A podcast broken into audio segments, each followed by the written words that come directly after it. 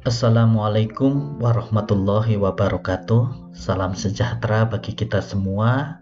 Berjumpa lagi dengan Bapak Pasupriyono yang mengampu mata kuliah Pendidikan Kewarganegaraan dan pada kesempatan perkuliahan pertama ini Bapak akan menyampaikan tentang pengantar pendidikan kewarganegaraan di perguruan tinggi.